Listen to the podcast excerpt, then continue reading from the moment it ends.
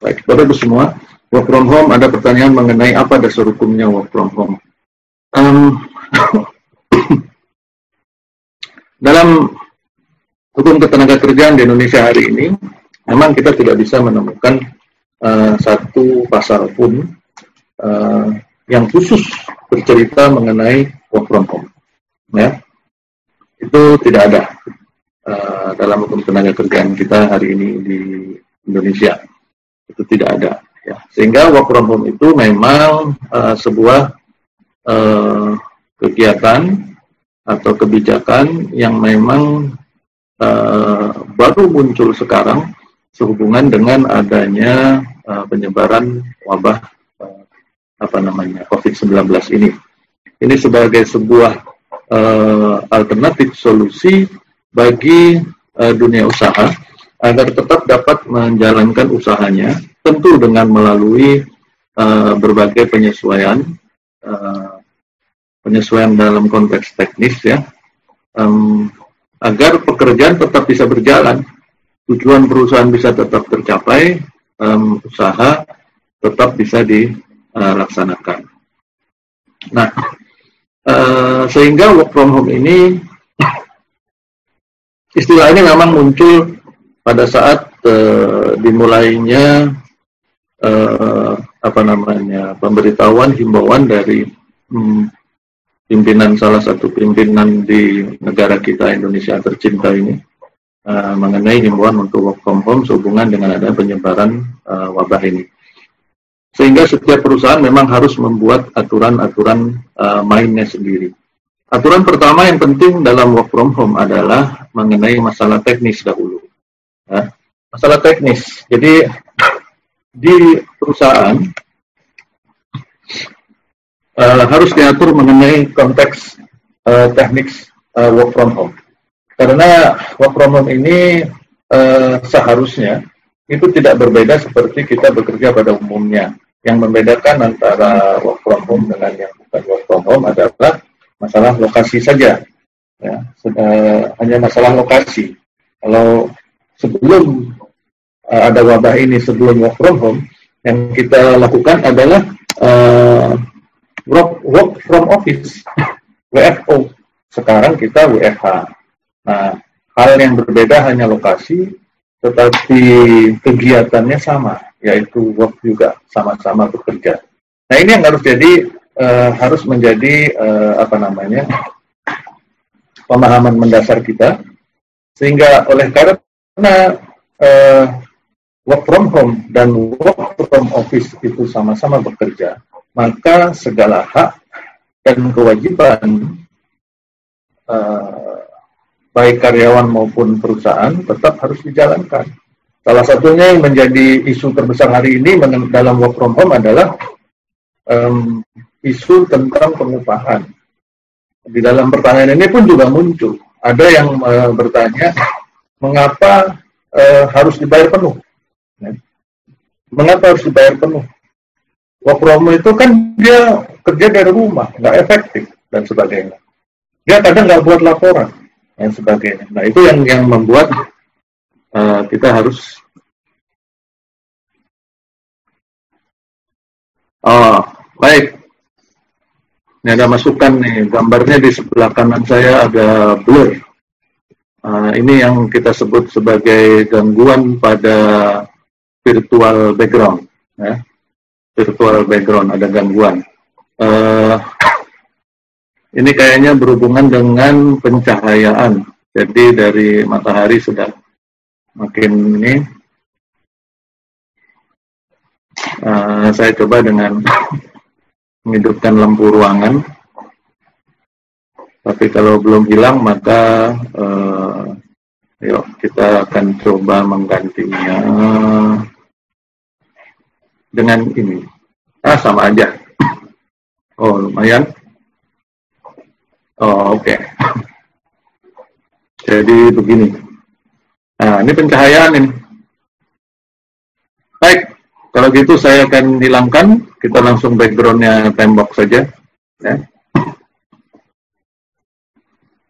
Ini masalah pencahayaan ruangan. Uh, baik, kita lanjutkan.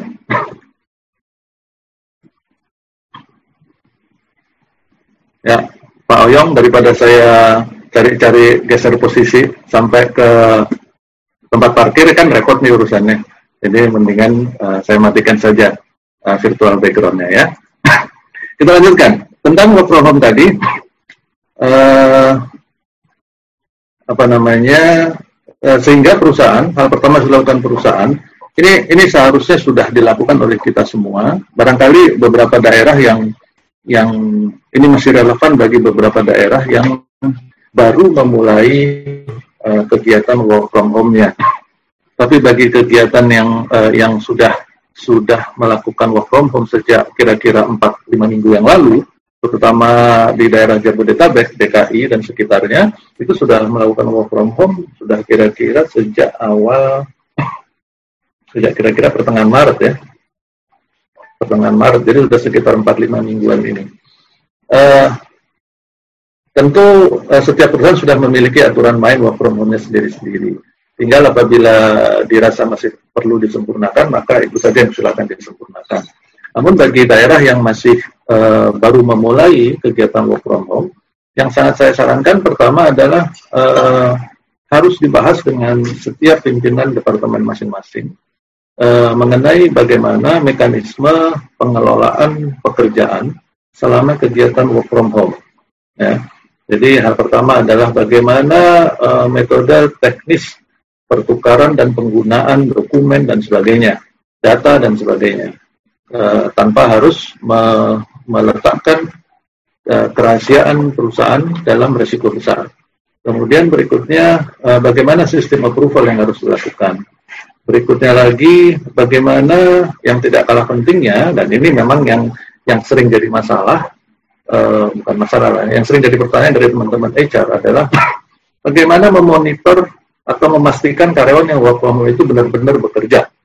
Nah ini yang menjadi menjadi menarik dan cukup unik karena uh, akan cukup susah bagi kita untuk memonitor karyawan yang bekerja work from home di beberapa perusahaan ada yang menggunakan sistem login, uh, bahkan sampai gunakan GPS, bahkan sampai gunakan video call. Dia harus menunjukkan bahwa dia ada di rumah, tidak ada di kafe, misalkan. Nah itu itu harus ditunjukkan. Eh, nah ada beberapa perusahaan lakukan seperti itu.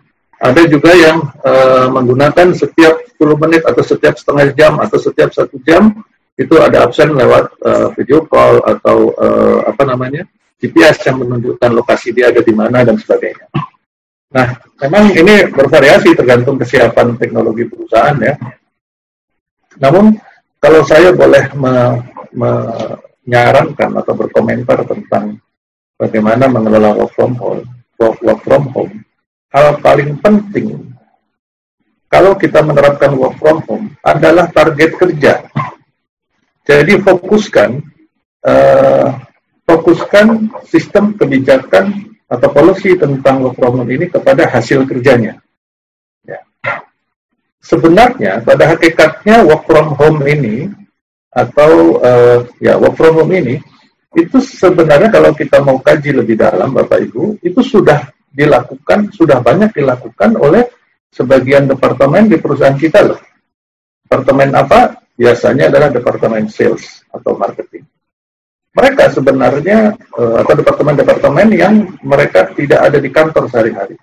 Selalu kerjanya adalah keliling ke mana-mana. Lihat bagaimana mereka uh, menyelesaikan pekerjaan dan bagaimana memonitor uh, hasil kerja mereka dengan dengan daftar hasil atau target output, target penjualan dan sebagainya. Ya, maka Uh, metode kerja seperti itu, metode kerja seperti sales, marketing, dan eh, teman-teman kita yang di lapangan, itu harus diadopsi. Itu yang harus diadopsi ke dalam kebijakan mengenai work from home di perusahaan kita. Ya, kalau saya boleh berkomentar lagi, kita tidak perlu pusing. Kita sebagai HR tidak perlu bingung, tidak perlu pusing si karyawan itu lagi bekerja di tempat tidur atau di meja.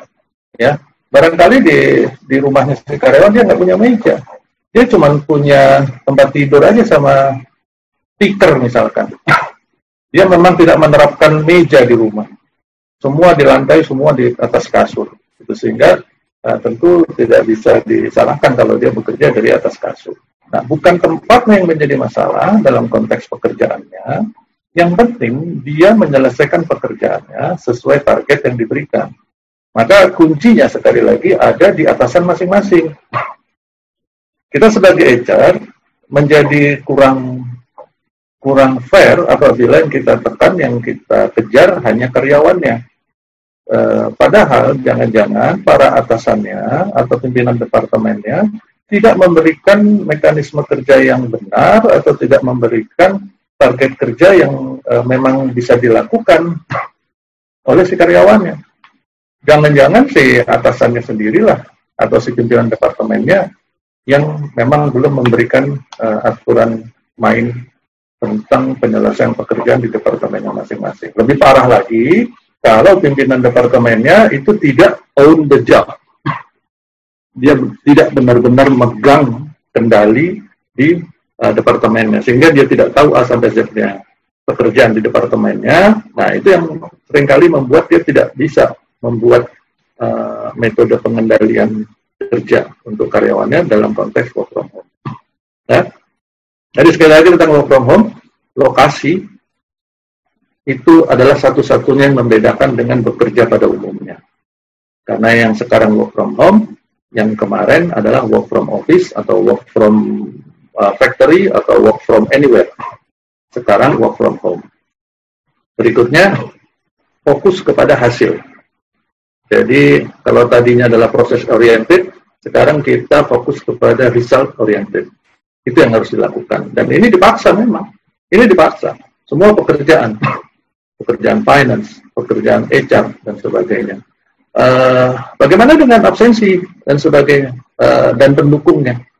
Absensi, tentu saja absensi menjadi tidak efektif dalam hal ini ya Bapak Ibu. Um, selain absensi dalam arti yang bersangkutan uh, online dan sedang bekerja, itu saja. Uh, baik, sekarang udah mendekati 120 yang join. Uh, selain dari yang uh, menunjukkan bahwa si karyawan sedang online atau bekerja. Ya.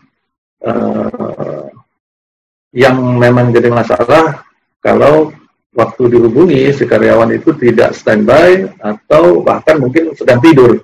Nah, itu yang jadi masalah dan itu memang sebuah menurut saya menjadi sesuatu yang tidak baik. Ya, uh, dan untuk hal seperti itu memang bisa dilakukan tindakan disiplin.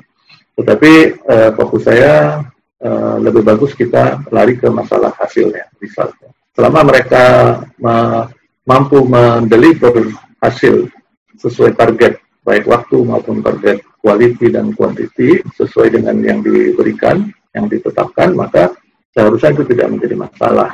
Ya. Itu mengenai work from home. Berikutnya tentang uh, upahnya di dalam work from home.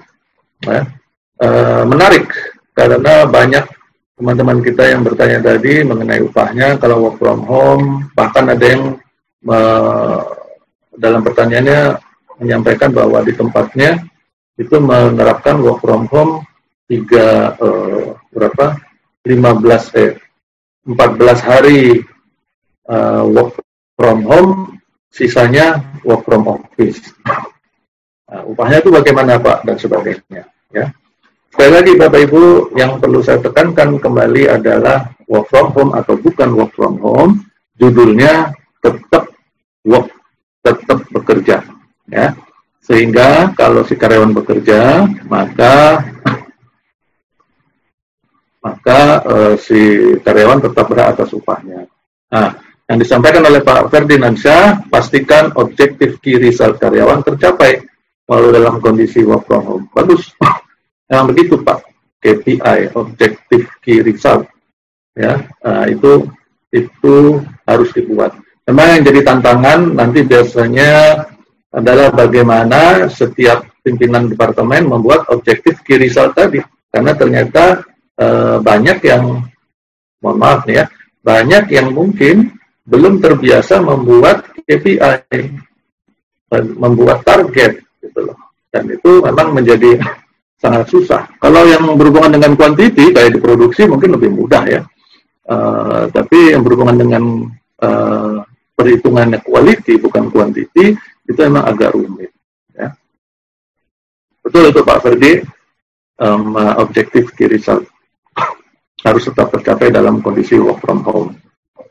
Nah, uh, kembali ke tadi, hal penting yang perlu kita pahami dalam work from home dihubungkan dengan masalah pengupahan adalah um,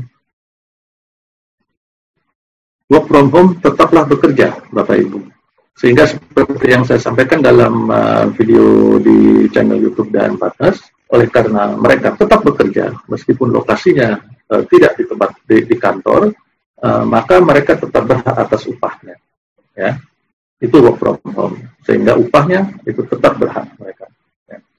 Nah, pertanyaannya adalah apakah upahnya penuh atau enggak? Apakah boleh dipotong atau enggak? Kalau dia work from home-nya tadi 14 hari work from home, kemudian sisanya anggaplah 10 hari adalah bekerja di kantor. Atau mungkin ke 8 hari bekerja di kantor. Itu boleh nggak dibayar cuma 50%? Nah, e, menurut saya itu adalah sesuatu yang keliru.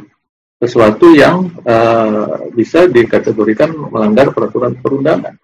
Karena pada hakikatnya si karyawan tersebut bekerja loh Pak selama sebulan. Ya kan? Bedanya adalah lokasinya. 8 harinya di kantor, 14 harinya di rumah. Nah, apabila perusahaan mengklaim bahwa, oh mereka di rumah nggak deliver pekerjaan dan sebagainya, perlu dicek ulang apakah perusahaan sudah membuat target dan sebagainya, dan apakah dimonitor. ya. Ibu Ati Putri, pertanyaannya mohon diketik di fungsi Q&A ya, jangan di fungsi chatting, di fungsi Q&A supaya kita bisa uh, men-track pertanyaannya. Kalau yang komentar saja boleh di chatting. Karena ini uh, chattingnya scroll down terus ke bawah, nanti saya khawatir nggak terbaca. Ya, demikian juga Ibu Sarmaheti.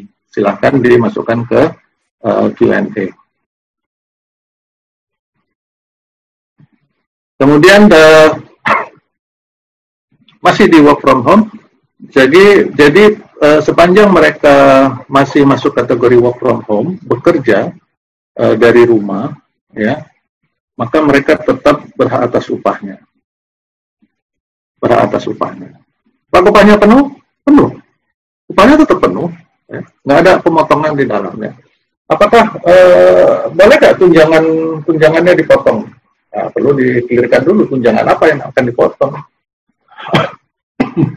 tunjangan yang boleh tidak dibayarkan dalam kondisi work from home, Bapak Ibu, adalah tunjangan tidak tetap yang dihubungkan dengan uh, kehadiran di lokasi kerja. Ya. Jadi uh, tunjangan tidak tetap contohnya adalah uh, uang makan, uang transport. Ya, uang transport itu ditujukan Misalkan dibuat setiap hari uang transport 10 ribu. Uh, uang transport itu di kebijakan uang transport dibuat untuk mengakomodir kebutuhan transportasi karyawan dari rumahnya ke tempat kerja. Ya. Sehingga uh, kalau dia tidak berangkat ke tempat kerja, maka uh, tunjangan transport tidak diberikan, itu masih boleh-boleh saja. Meskipun sebenarnya pada saat si karyawan berada di rumahnya untuk bekerja work from home tadi, ada effort lebih. Ini yang perlu dipikirkan oleh perusahaan. Ada effort, ada usaha lebih yang dilakukan oleh karyawan, yaitu uh, menggunakan koneksi atau jaringan signal tambahan seperti wifi dan sebagainya. Ya, kan mereka membayar itu uh, pulsa dan sebagainya. Nah ini yang seharusnya dipikirkan oleh perusahaan karena kalau mereka datang ke tempat kerja, mereka kan men, uh, melakukan pekerjaan itu menggunakan sistem uh, koneksi yang ada di perusahaan. Kalau dia ada di rumah, dia transportnya mungkin tidak diberikan, tetapi dia harus membayar pulsa, wifi, uh, dan sebagainya. Ya. Uh, sehingga di beberapa perusahaan, mereka mengalihkan tunjangan transportnya menjadi tunjangan pulsa. Nah, itu yang bagus itu yang benar. Sehingga uh, kondisi seperti itu menunjukkan bahwa perusahaan memang benar-benar memikirkan uh, karyawannya dan membantu karyawannya untuk bisa uh, menyelesaikan tugas dan mencapai target perusahaan. ya, karena tidak semua karyawan uh, memiliki kemampuan yang sama dalam hal pulsa, dalam hal signal WiFi dan sebagainya. Masih banyak karyawan kita Bapak Ibu yang mengandalkan uh, WiFi gratisan di tempat-tempat parkir uh, supermarket, tempat parkirnya kafe, ya, atau di tempat parkirnya mall, nah, itu masih banyak yang mengandalkan itu. Jadi jangan berpikir bahwa karyawan kita semuanya pasti tidak masalah dengan pulsa atau tidak masalah dengan uh, signal atau wifi. Ya. Ya, hingga ini yang harus jadi pikiran perusahaan. Kalau kita hanya berpikir bahwa mungkin yang yang yang yang tidak masalah adalah di level-level menengah ke atas nih, manajer dan sebagainya, direktur dan sebagainya itu mungkin nggak jadi masalah.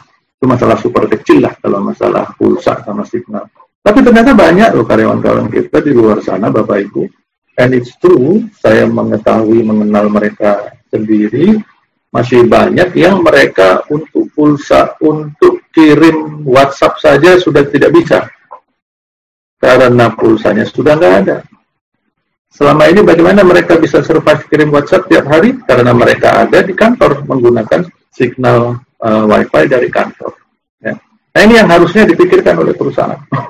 ini yang harus dipikirkan oleh perusahaan. Itu tentang work from home.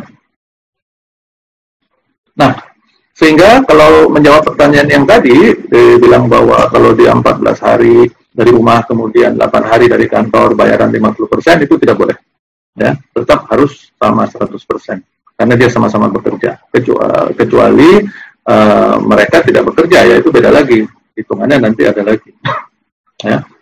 Uh, apakah boleh proses dirumahkan karyawan tanpa dikasih waktu? Oke, merumahkan karyawan akan kita bahas nanti. Ini masih tentang work from home. Saya mau lihat dulu pertanyaan work from home berikutnya. Bagaimana prosedur work from home yang benar? Tadi saya sudah jelaskan. Mengapa menjadi multi tafsir dan pelaksanaan berbeda-beda? Nah, ini tadi. Menjadi multi tafsir karena hmm, aturan ini tidak ada standarnya. Itu yang pertama. Pelaksanaan berbeda-beda karena ini sungguh bergantung kepada uh, kebijakan di perusahaan masing-masing. Uh, meskipun sebenarnya kebijakan-kebijakan itu uh, akan berpotensi berbenturan dengan berbenturan dengan uh, aturan pemerintah. ya. Kemudian pertanyaan berikutnya, apa peranan regulator?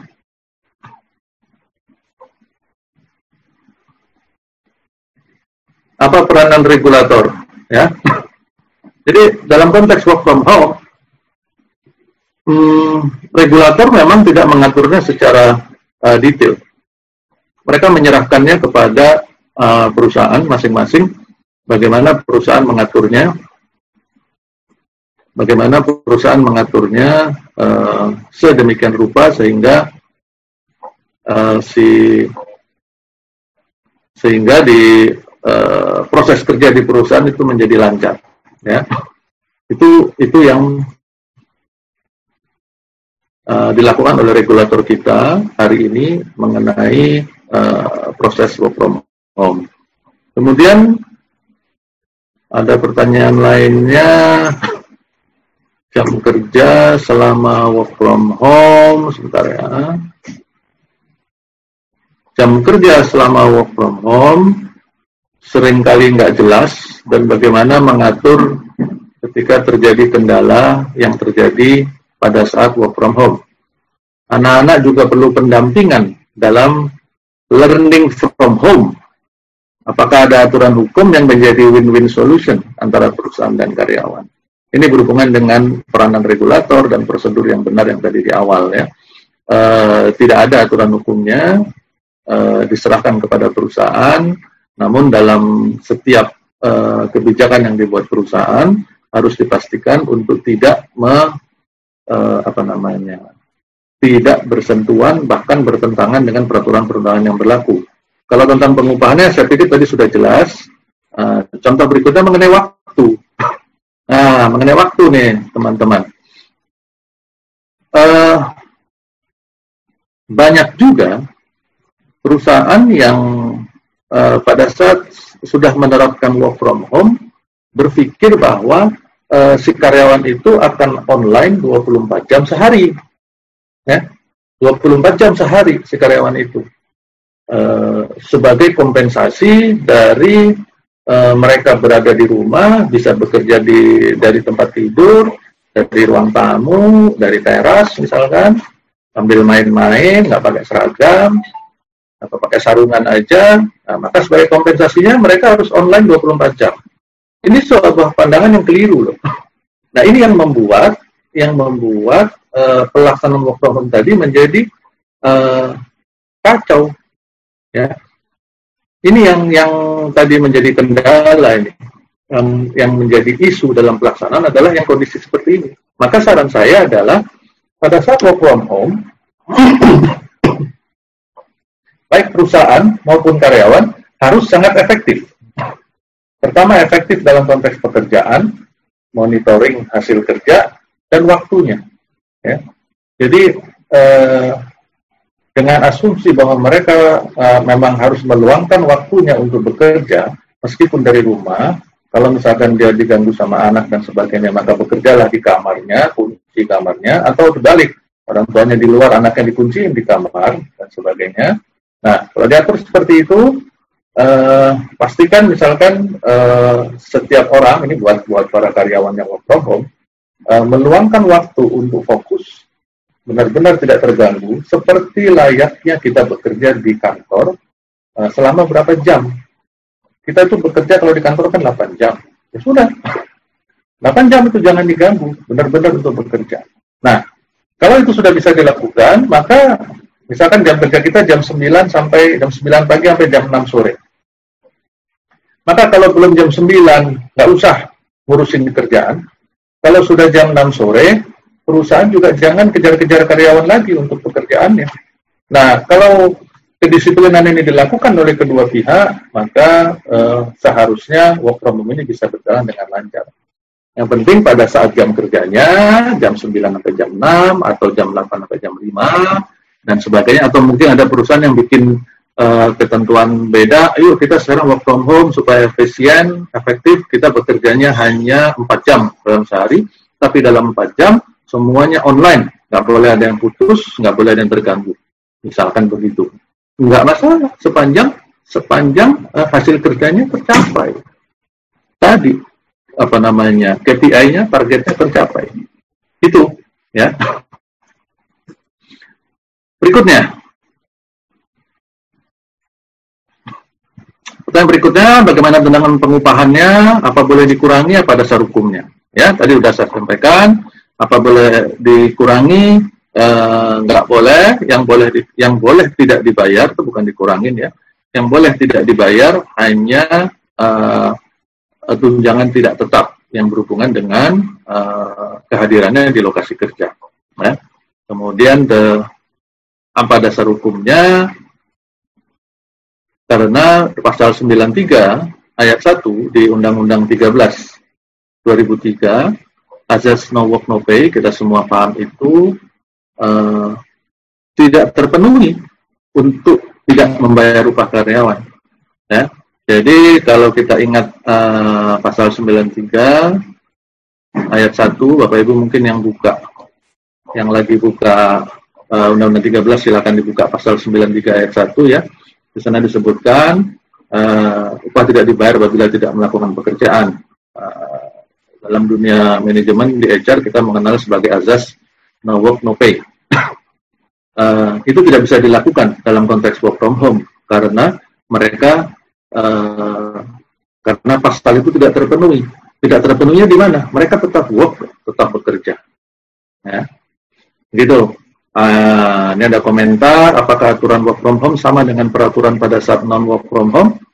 Ya karyawan di schedule kan work from home, namun yang bersangkutan pergi meninggalkan lokasi, apa yang akan terapkan? Nah itu persis, itu Ibu Ivoni. Uh, itu seharusnya yang masuk ketentuan seperti ini, klausa ini yang harusnya masuk ke dalam uh, policy-policy di perusahaan mengenai work from home. Ini harus diatur di awal. Misalkan nih, jadwal jam sekian sampai jam sekian itu harus online. Misalkan nih jam 9 sampai jam 6. Kemudian jam 9 sampai jam 10 online. Setelah itu jam 10 sampai jam 12 offline, uh, mereka bekerja tanpa sambungan internet, kemudian nanti jam 1 sampai jam 2 online lagi, terus offline lagi, baru jam 5 sampai jam 6 online lagi. Nah, dalam jam-jam online tadi, mereka tidak boleh tidak online. Kalau tidak online, itu masuk kategori pelanggaran dan sebagainya. Dilakukan penegakan hukum, itu silakan. Nah, itu yang perlu diatur. Karena mereka bekerja loh dalam waktu itu. Berikutnya Pak Ferdinansyah, nah, inginnya sih work from home sesuai 8 jam, tapi karena dirasa semakin mudahnya kerja dengan media conference, jadi lebih asik dan kebablasan. Nah, ini. Uh, baik dari sisi perusahaan maupun dari sisi karyawan. Si karyawan mungkin pada saat-saat tertentu atau karyawan tertentu di saat tertentu, jadi nggak semua karyawan dan tidak di semua saat ya, uh, mungkin merasakan uh, enak uh, bekerja work from home, pakai media conference dan sebagainya sehingga terus lebih dari 8 jam. Akhirnya keterusannya. Sehingga uh, perusahaan beranggapan bahwa uh, bekerjanya karyawan tidak lagi 8 jam. Nah ini yang keliru. Ya. Seharusnya perusahaannya mengingatkan. Di sini fungsi kita sebagai HR teman-teman. fungsi kita sebagai HR di sini ya, ya ini. Kita harus ingatkan mereka. Hey, sekarang udah jam setengah enam. Bentar lagi ada waktunya pulang. Kalau perlu pasang bel. Ingat gak dulu waktu sekolah kita pada pakai bel kan? Dah waktunya pulang Udah selesai ya. Yang mau lembur, yang masih mau kerja.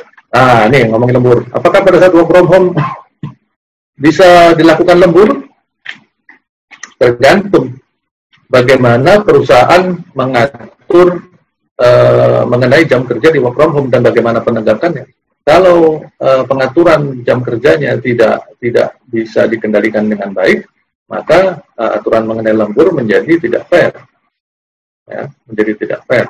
Tapi kalau aturan kerjanya bisa dilakukan dengan baik, ditegakkan, diatur, ditegakkan dengan efektif, maka aturan lembur masih bisa dijalankan. Nah, ini seharusnya uh, bisa menjadi bargaining power bagi perusahaan pada saat meminta karyawan untuk tetap uh, apa namanya tetap efektif dalam bekerja. Salam kenal juga Pak Lukman. Uh, baik. Kita lanjutkan pertanyaan berikutnya. Bagaimana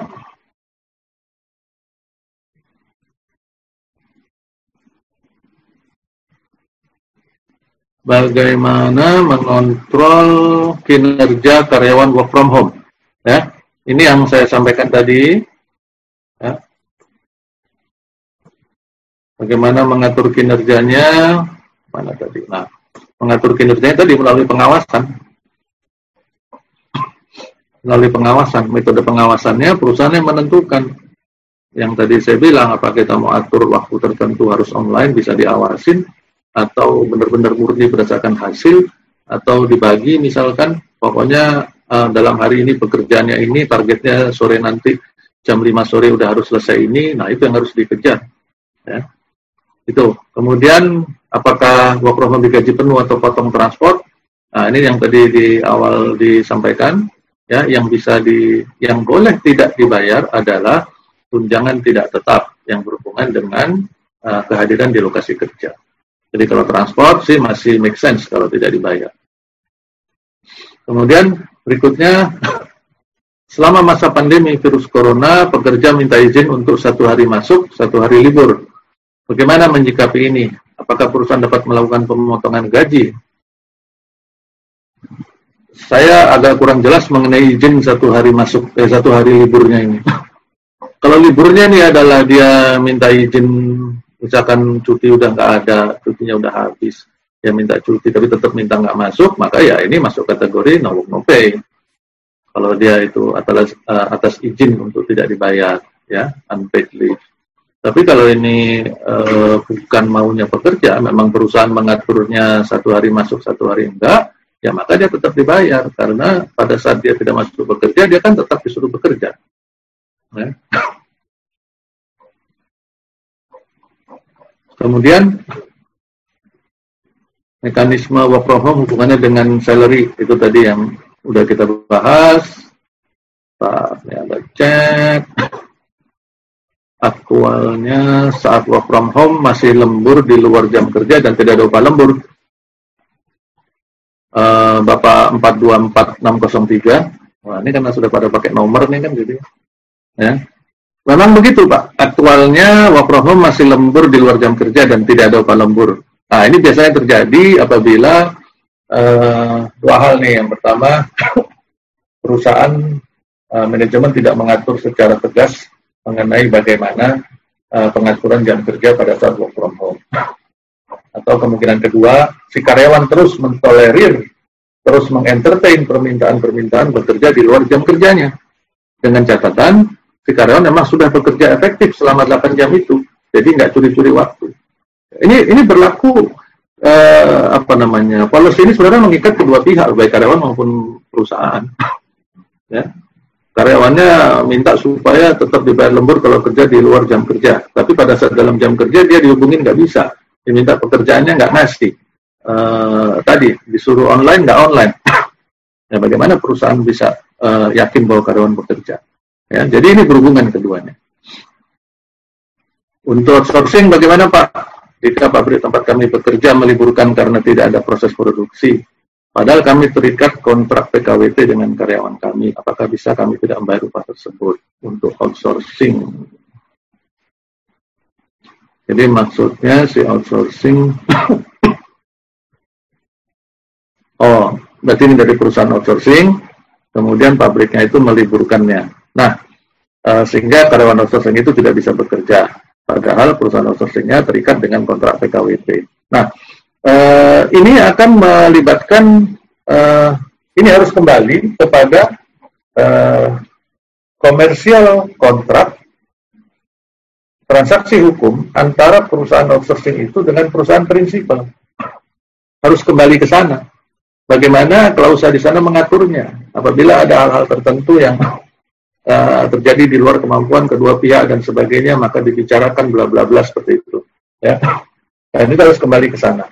Ya, tapi kalau ditanya hmm, bagaimana dalam hukum ketenaga kerjaannya, maka karyawan yang yang bapak sebut sebagai PKWT tadi tetap berhak atas upahnya karena dia uh, memang masih harusnya tetap bekerja dan masih terikat. Ya ini yang yang yang nanti kan kita bahas di dalam konteks uh, merumahkan ya dan pengupahannya. Berikutnya,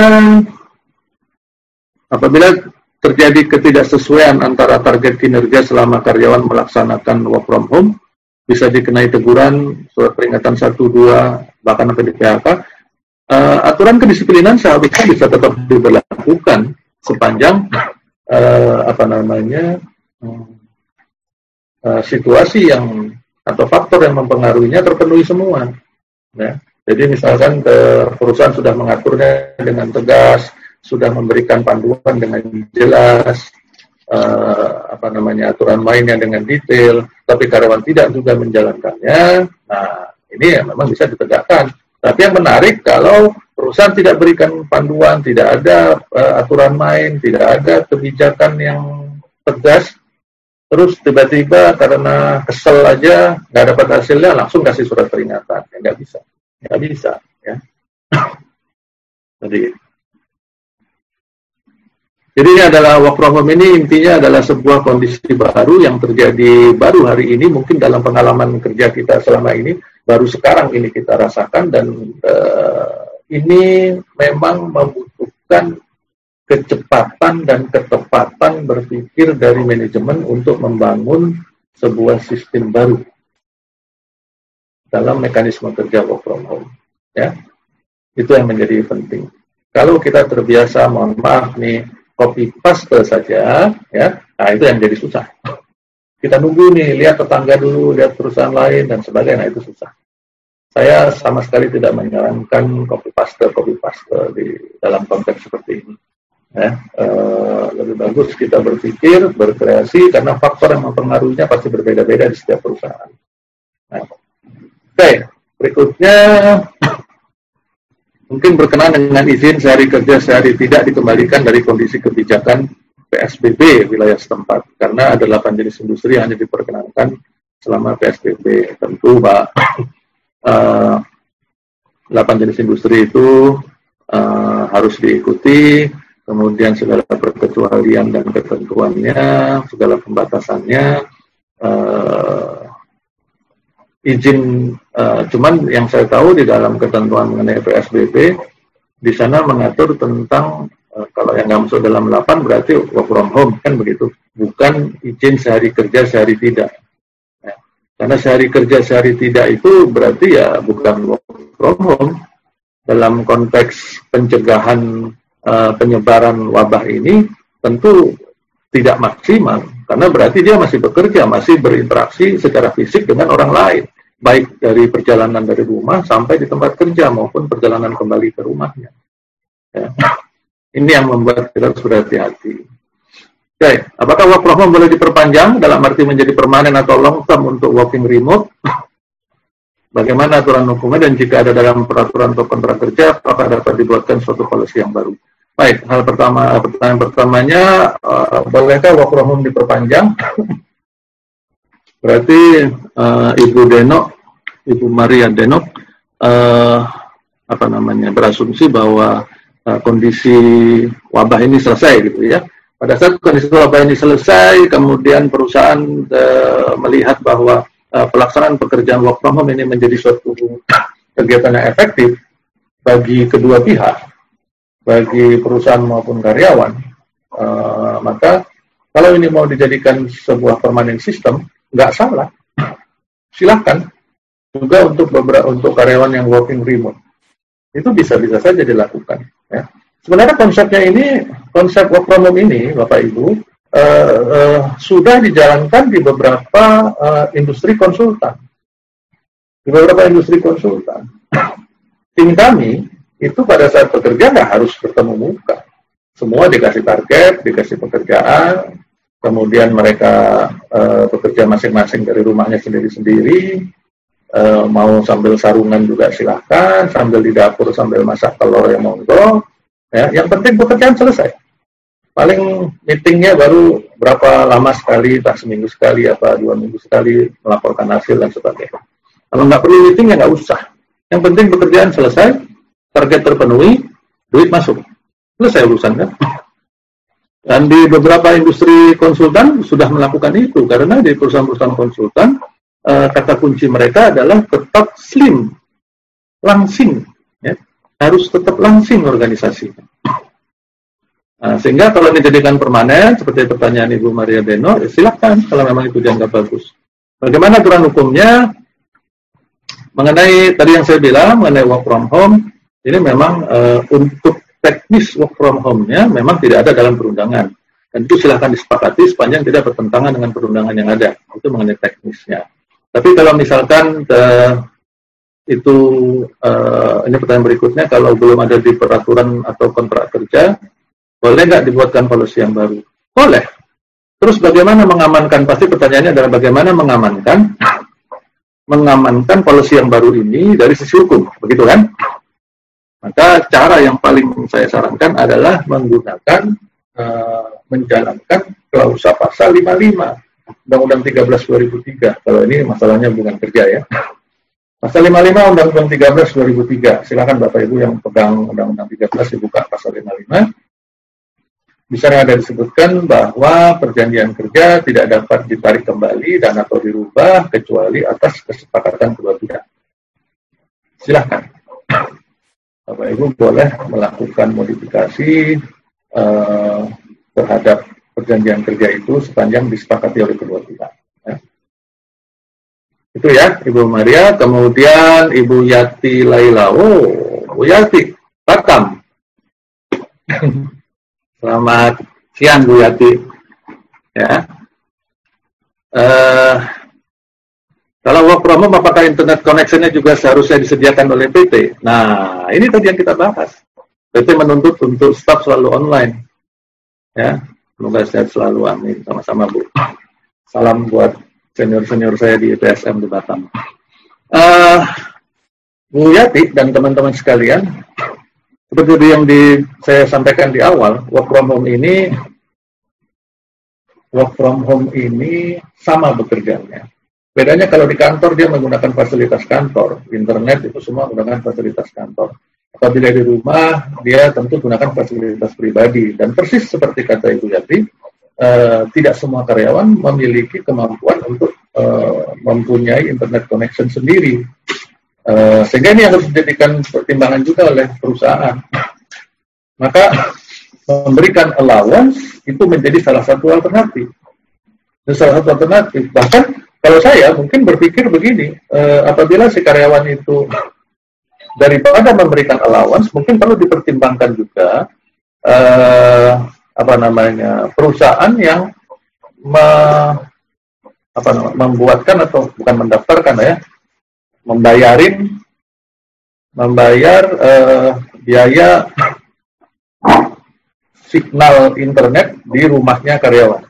Sehingga uh, ketahuan bahwa si karyawan hanya bisa bekerja di rumahnya nggak pindah-pindah keluar. Kalau misalkan dikasih uangnya sebagai allowance dalam konteks uang anggaplah dikasih berapa? Sebulan dikasih 200 ribu misalkan. Atau 300 ribu. Ambillah di jaringan-jaringan kayak uh, media dan sejenisnya, home dan sebagainya tadi itu, mereka berapa sih kalau ambil hanya untuk berapa biayanya untuk yang murni hanya internet connection saja, nggak pakai nggak pakai apa uh, TV kabel. Anggaplah itu 200 ribu misalkan. Kalau diberikan uangnya memang sering kali karyawan uh, belum tentu kepakai. Ya belum tentu kepakai, uangnya belum tentu dipakai untuk bikin internet connection, membuat jaringan, tetapi e, banyak akhirnya dipakai menjadi tambahan penghasilan. Maka kalau pengen polusinya efektif, pengen internet connection yang tidak menjadi selalu menjadi perdebatan, karena pada saat nanti sudah dikasih, kemudian kasih duitnya 200 ribu misalkan, dia tidak bayarkan, dia tidak gunakan untuk mendaftarkan kepada apa namanya jaringan internet, tapi dia mengandalkan pakai pulsa telepon, pulsa handphone. Nah, pada saat dihubungin susah, dia alasan, oh handphonenya, oh signalnya jelek, dan sebagainya, dan sebagainya. Maka akan jadi ribut lagi, kan? Nah, sehingga untuk mengurangi keributan itu, kalau saya berpikir lebih bagus, kalau nilainya tunjangan sama dengan nilainya e, bayar internet di rumah, lebih bagus daftarin semua, suruh karyawan bikin daftarnya alamatnya, tempat dia tinggal sekarang, semua bayarin misalkan bayarin langsung untuk dua bulan ke depan. Udah, nggak ada lagi bahasan tentang internet lemot, ya kan? Nggak ada lagi bahasan itu, nggak ada lagi alasan untuk bilang bahwa uh, mereka nggak bisa nyambung karena nggak ada signal. Itu nggak bisa. Begitu Ibu Yati. Nah, berikutnya pasti bagaimana dengan karyawan cleaner yang melakukan work from home? Sebenarnya mereka tidak efektif untuk melakukan work from home. Apakah dibayar atau tidak? Ah, ini yang uh, memang menjadi seharusnya menjadi beberapa bahasan khusus ya. Teman-teman yang berada di industri cleaning itu sebenarnya kalau saya melihatnya hari ini, uh, industri cleaning ini justru menjadi salah satu industri backbone. Salah satu industri yang menjadi uh, sama pentingnya seperti industri medis seperti para tenaga medis, dokter rumah sakit. Cleaning ini itu industri yang sangat sekarang harusnya kalau dimanfaatkan, dikelola dengan benar oleh para top manajemen di di perusahaan-perusahaan yang bergerak di bidang kebersihan jasa dan pendukungnya, ini seharusnya menjadi industri yang seksi, menjadi industri yang yang yang harusnya jadi booming, bukan makin mereka merosot. Karena sangat dibutuhkan untuk kebersihan. Coba kita lihat berapa banyak berapa banyak sekarang uh, belanja setiap orang terhadap alat kebersihan. Uh, obat-obat kebersihan, pembersih lantai, cuci tangan, disinfektan, apalagi dan sebagainya. Sekarang ini tingkat kebersihan kita di setiap rumah itu menjadi super hebat, menjadi super hebat, ya, sangat tinggi.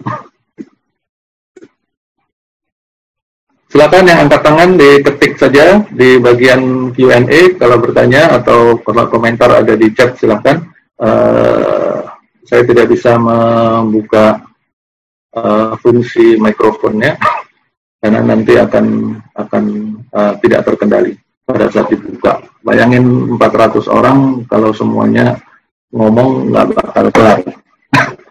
ya, pasti uh, hang langsung. Ya, jadi begitu Pak untuk karyawan cleaner ya. Kalau mereka mm, work from home memang menjadi tidak efektif, ya, karena mereka seharusnya bekerja. Jadi kalau untuk perusahaan-perusahaan yang sekarang sedang tutup, yang sedang tidak beroperasi, itu seharusnya karyawan yang di bagian cleaning, uh, mereka masih bergiliran masuk dong, karena mereka harus tetap menjaga kebersihannya, memastikan perusahaan tidak menjadi sarang nyamuk, menjadi sarang penyakit baru karena tidak karena tidak dipergunakan, tidak menjadi lembab dan sebagainya. Maka mereka harus tetap memelihara kebersihan itu, sehingga mereka harus masuk memang. Ya, gitu. Kemudian ke usul Pak Ferdi di tengah masa work from home, perusahaan bisa membuatkan playbook mitigasi manajemen selama pandemi COVID sebagai pegangan karyawan. Itu usulan bagus tuh dari Pak Ferdi. Teman-teman HR, karyawan, manajemen, dan yang lainnya, serikat pekerja, itu uh, kalau baca usulan ini kayaknya bagus untuk diterapkan. Berikutnya, apakah saat work from home, misalkan untuk karyawan yang keseharian yang bekerja di lapangan, kemudian pekerjaan lapangan yang tidak dapat dilakukan, dapat disarankan untuk memberi cuti tahunan menggunakan hak field break balance-nya, apakah diperkenankan? Baik, uh, ini kita langsung meloncat ke masalah cuti leave ya uh, mengenai penerapan leave cuti. Itu hal pertama memang kita um, kita harus pahami dulu hukum dasarnya. Hukum dasarnya tentang cuti leave ya itu ada di perundangan di Undang-Undang 13 maupun di PP 78 2015 ya tentang pengupahan. Eh, kemudian kalau aturan yang lama itu di uh, yang tahun 51 kalau nggak salah atau 48 ya. Nah, sana diatur bahwa cuti itu adalah hak karyawan, karyawan mengajukan dan sebagainya. Ya. Uh, kemudian berikutnya kita juga harus melihat uh, bagaimana uh, peraturan perusahaan atau PKB di tempat kerja kita masing-masing peraturan perusahaan atau PKB di tempat kerja kita masing-masing karena setiap perusahaan memiliki sekarang sudah diberikan kesempatan untuk uh, membuat hukum sendiri yang berlaku di uh, wilayah perusahaannya sendiri. uh, bagaimana caranya? Tadi dengan PP atau PKB. Ya, tentu batasannya adalah tidak melanggar perundang-undangan. Sehingga apabila di dalam perjanjian kerja atau PP atau PKB di tempat kita sendiri, tempat kita masing-masing, di sana mengatur bahwa cuti boleh ditentukan oleh perusahaan, maka nah, itu silakan. Maka pertanyaan Ibu Maria Deno bisa dijalankan, mengambil cuti tahunan yang diperintahkan oleh perusahaan. Tetapi apabila di dalam perjanjian kerja PP atau PKB kita itu tidak menyatakan bahwa uh, perusahaan bisa bisa memerintahkan karyawan untuk cuti, ya, uh, dan di sana disebutkan bahwa cuti itu uh, karyawan yang mengajukan, maka tentu ini menjadi susah. Pertanyaan dari Bu Maria Denok menjadi akan akan susah diterapkan karena uh, harus si karyawan yang mengajukan. Ya. Jadi itu itu tentang cuti.